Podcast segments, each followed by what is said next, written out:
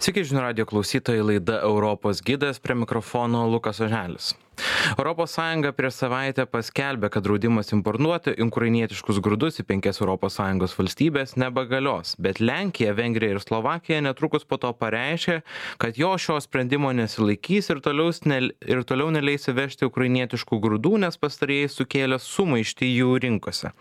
Trijų šalių teigimų sprendimas buvo būtinas norint apsaugoti šalies ūkininkus bei vartotojus.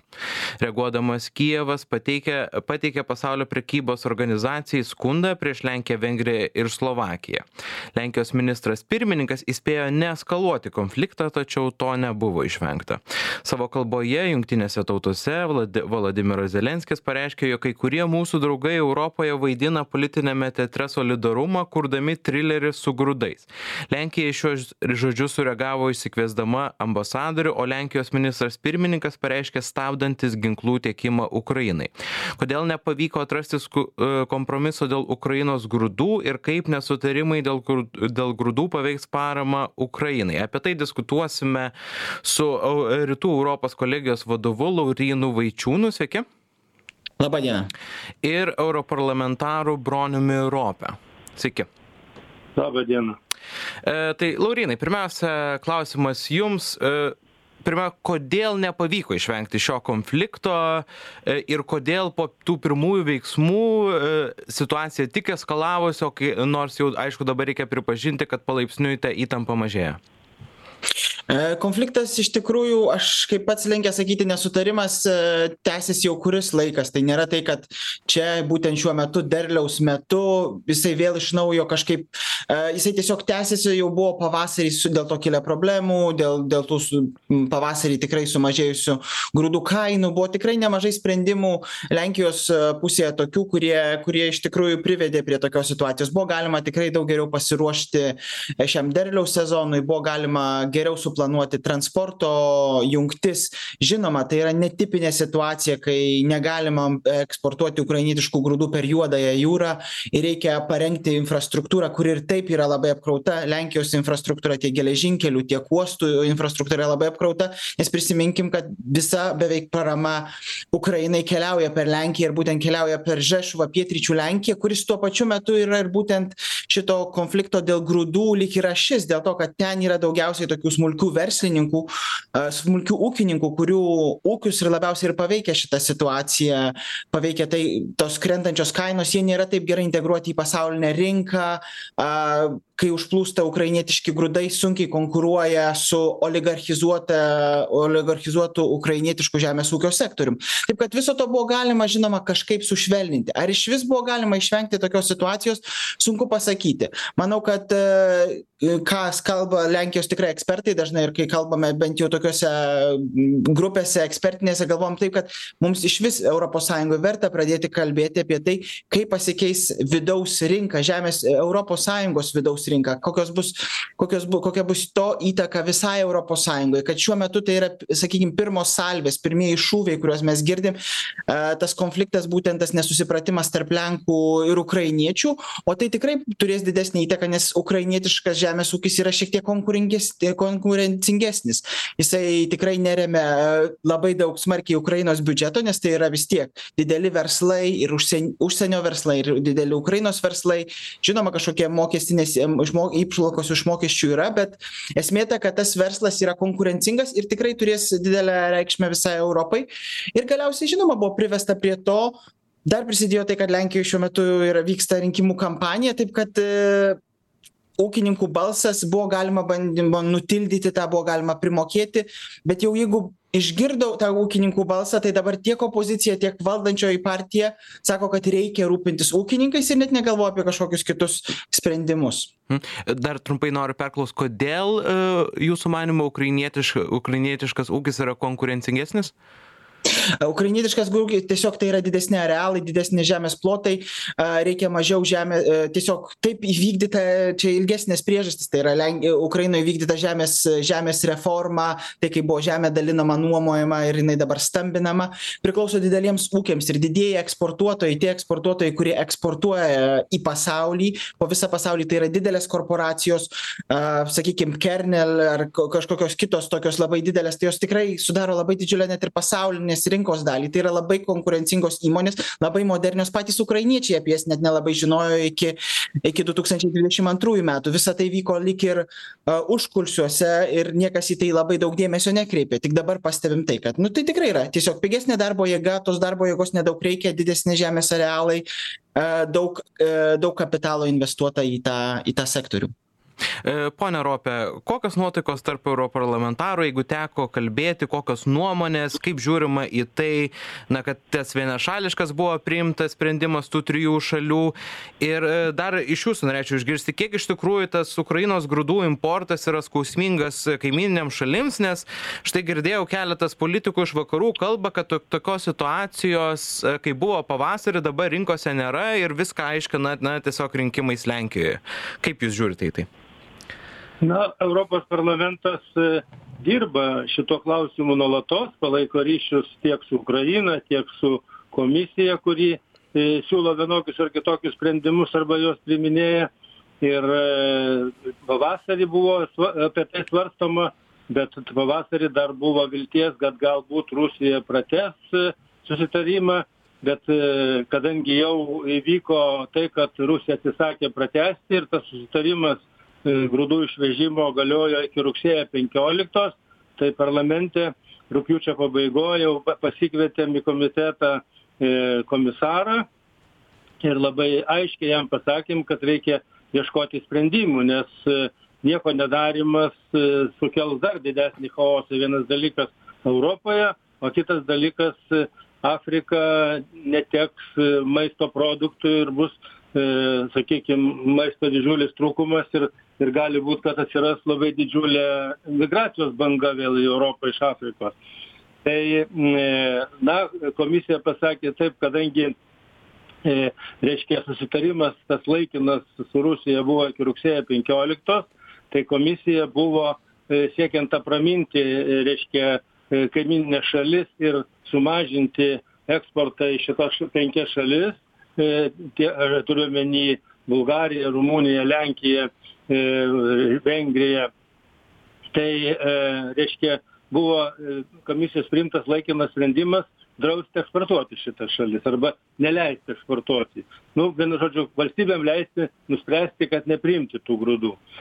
Tai toks, tokie sprendimai buvo ir buvo kalbos, kad pratesti tą, bet kadangi e, Rusija nesutiko pratesti, vienu žodžiu, komisija e, dabar e, siūlo tokį variantą kad e, reiškia tie kas eksportuos iš ukrainos per baltijos lenkijos vokietijos uostus tai jiems reiškia teikti paramą nuo dvidešims iki keturiasdešims eurų už toną ir mėgins sukontroliuot kad tie grūdai neatsidurtų nei lenkijoj nei nei nei nei nei nei nei kitose šalyse.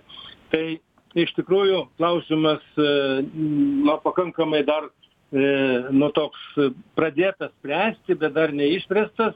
Ir tai kad e, didžiau didžioji didžioji problema kad ukrainoj grūdai yra labai pigūs. Ten galima nusipirkti maždaug apie perpus pigesnę kainą grūdų ir juos tada veža į europinę rinką.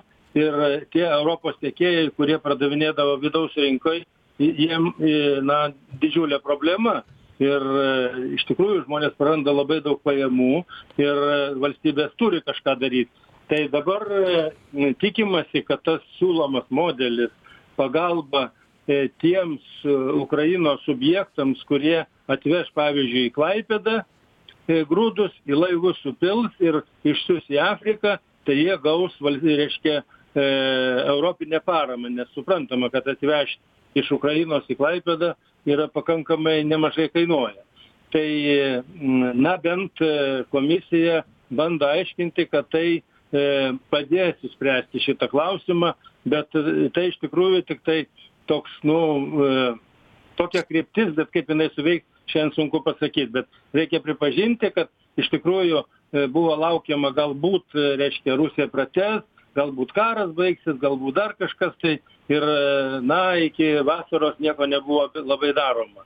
Tai tikrai e, manau kad tai yra apsileidimas e, europos komisijos ir nu tikėkimės kad dabartinis siūlymas e, suveiks ir gal nu šiek tiek suprantama kad rinkimai irgi turi įtakos bet jeigu žmogui sakykim perpus sumažėja pajamos tai nu jis negali tylėti. Tai supran tai suprantama laurynai jums klausimas. Tada e, kaip pirmiausia vertinate na šitą europos komisijos tokį pasiūlymą mokėti pinigus už tai kad būtų eksportuojama eksportuojami e, grūdai kažkur kitur ir neliktų neliktų jie europos sąjungos šalyse?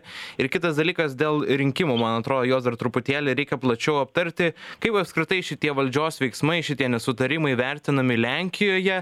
Ir e, na kalbama apie tuos rinkiminius išskaičiavimus ką šiuo atveju jeigu čia yra na toks rinkiminė retorika rink e, rinkimi rinkimais padiktuotas poelgis ką tokiu atveju na valdančioji partija bando pasiekti savo elgesiu e, Nor, norėjau pradėti nuo rinkimų, bet gal rinkimai toks platus klausimas, kad gal tada paliksiu antrai daliai. Tai pradedant nuo tų, kad tikrai reikėtų sugalvoti kažkokią sistemą, kuri padėtų e, tranzitu toliau vežti tuos grūdus į visą pasaulį. Tikrai to reikia ir apie tai kalba ir opozicinės partijos, kurios palaiko e, šiuo metu būtent tą laikiną draudimą, nu nelaikiną kol kas neapibriešta, bet tą draudimą importuoti į Lenkiją ukrainietiškus grūdus.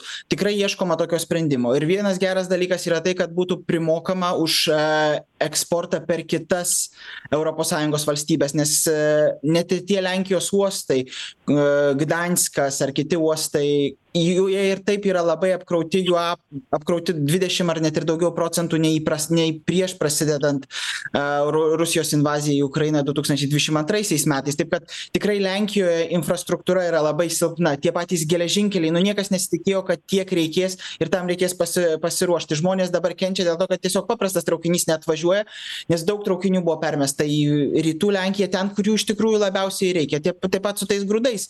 Jeigu būtume žinoję ir kažkas būtų žinoję prieš du tūkstančiai dvidešim antruosius metus būtų tiesiog pietryčių lenkijoj pastatę daug daugiau grūdų sandėlių kuriuose būtų galima kažkaip tuos grūdus laikyti po to po kurio laiko juos perparduoti arba vežti arba ieškoti kažkokių sprendimų logistinių.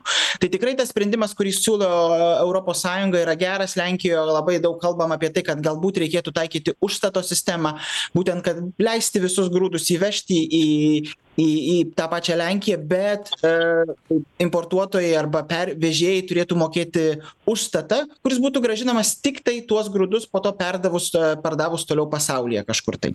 A kalbant apie rinkimus rinkimai rinkimai tikrai yra didžiulė didžiulė dalis ir vis labai daug žmonių kurie pe tikrai labai pergyvena dėl prastėjančių bent jau politiniu lygiu lenkijos ir ukrainos santykių. Nes pabrėžkim kad tai yra tikrai kol kas dar yra tiktai politinis lygis ir labiau retorinis. Tai tikrai kalbam apie tai kad daug kas labai laukia būtent spalio penkioliktos kad kad tos emocijos bent jau nurimtų. O kodėl yra svarbu ir kodėl svarbu ganėtinai net ir nedidelė lenkijos rinkėjų ūkininkų grupė nes pagalvokime tie smulkieji ūkininkai apie kuriuos kalbame nes vakarų lenkijoje iš kurios aš irgi kalbu vroclavas kur yra daug daug didesni stambesni ūkiai labiau modernizu modernesni ir panašiai šios problemos ir tokios diskusijos net nelabai kyla. Bet pietryčių lenkija yra labai svarbi valdančiai partijai teisei ir teisingumui. Tai yra tas jų toks toksai tikras lopšys kur kur ta partija renka po šešiasdešim septyniasdešim procentų ir tikrai nenori nuvilti savo rinkėjų. Galbūt jų nėra daug bendrame tame sakykim jeigu pažiūrėtume į visą a sceną politinę lenkijoj galbūt jie nėra tokie svarbūs yra tiktai keli procentai bet valdančiai partijai jie tikrai daug ką a lemia ir lemia būtent tokioje įtemptoje politinėje situacijoje kai varžomasi kai opozicija ir valdantieji varžosi tiktai dėl kelių procentų.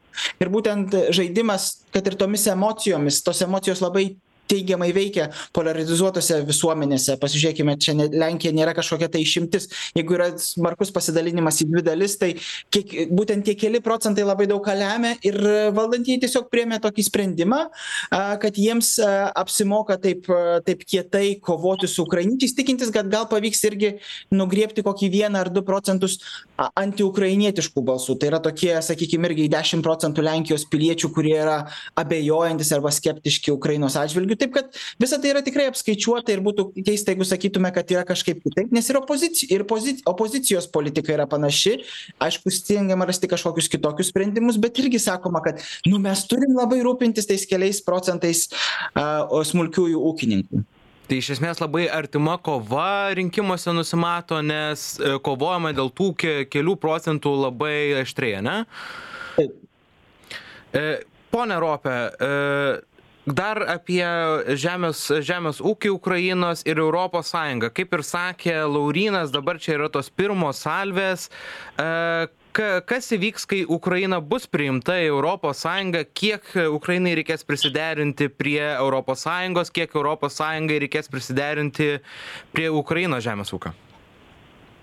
Nu žinot čia tas klausimas toks šiandien jį galima tik spėlioti o kai kai bus tai tai matysim nes e, vienas dalykas kada tas įvyks e, kitas dalykas kad pavyzdžiui ispanija labai daug importuoja iš ukrainos tiek kukurūzų tiek kviečių tiek saulėgrąžų. Prancūzai jie nemažai eksportuoja olandija labai daug eksportuoja. Taip kad yra europos sąjungos e, šalys kurios suinteresuotos ukrainos grūdais kadangi ir kokybė gera ir ir ir kainos priimtinos ir taip toliau. Bet dabar kalbant apie tai kokiom sąlygom e, reiškia bus ukraina priiminėjama į europos sąjungą tai pavyzdžiui prisiminkim kada stojo lietuva e, kartu su dešim dešim šalių kai stojo tai mums tada buvo pasiūlyta tiktai dvidešim procentų tiesioginių išmokų nuo europos sąjungos vidurkio tai me mes gaudavom e, tiktai penktadalį išmokų ką gaudavo kitos šalys e, kurios e, buvo europos sąjungoj. Ir nors dvidešim trečiais metais buvo tryliktais metais buvo žadėjama kad išmokos susilygins bet šiemet dvidešim treti metai ir išmokos siekia tik septyniasdešim penkis procentus europos sąjungos vidurkio tiek lietuvos tiek visų tų dešim šalių.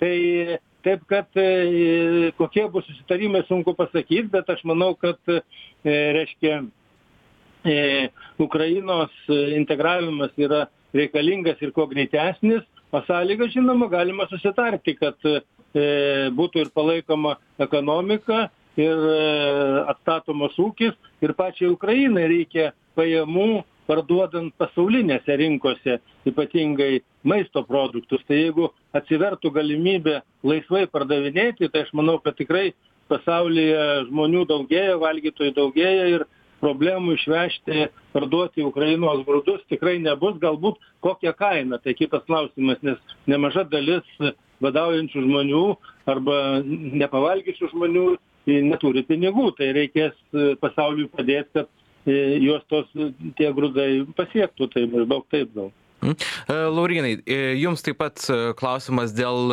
Ukrainos integracijos į ES, jeigu norėtumėt kažką pridėti ir kartu dėl karinės paramos Ukrainai, kaip jūsų apskritai jūsų manimų reikėtų interpretuoti tą ministro pirmininko pasisakymą. Čia Linas Kojala socialinėme tinkle Facebook kalbėjo apie tai, kad net kaip retorinis dalykas, galbūt nieko daug ir nereiškintis, bus labai greitai pasigautas tiek Rusijos, tiek JAV, kur bus argumentuojama iš respublikonų pusės kad e, štai viena iš na svarbiausių ukrainos rėmėjų jau dabar galvoja apie tą ginklų ginklų tiekimo stabdymą. Koks būtų jūsų vertinimas tai pradedam nuo integracijos. E, tikrai lenkija visada buvo ukrainos ir išvis europos sąjungos e, plėtros e, šalininkė manau palyginti galima lyginti su lietuva ir panašiai. Tai visada buvo valstybės politika labai buvo atvi labai buvo aiški pozicija kad būtent gal geriau kad būtų europos sąjunga didesnė bet mažiau federalizmo ypač iš valdančiųjų sakykim lūpų gal ankstesnė ir opozicija mano kažkiek kitaip.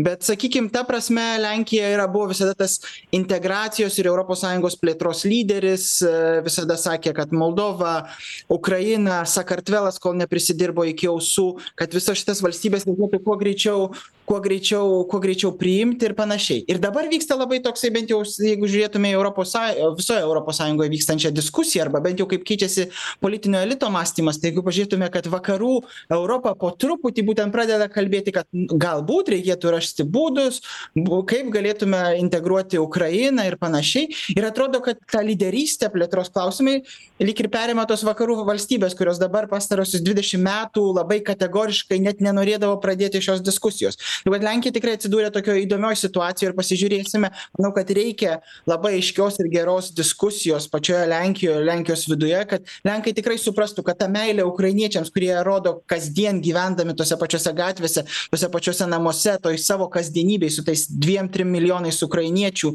ir taip padėdami ukrainiečiams kad tai neperaugtų į kažkokį tai nepasipiktinimą pasipiktinimą ateityje ir konkuruojant. Taip kaip buvo lygiai taip pat buvo juk ir vokietija savo darbo rinkos neatidarė neatidarė nei lietuviams nei lenkams iškart. Tai truputį truko lenkai ir lietuviai jau atidarė ukrainiečiams savo darbo rinkas bet tikrai bus visokių įvairiausių kitokių klausimų. Reikia apie tai kalbėt kad tai tikrai nesprogtų kaip kažkokia pūslė ar kažkokia tai netikėta opa.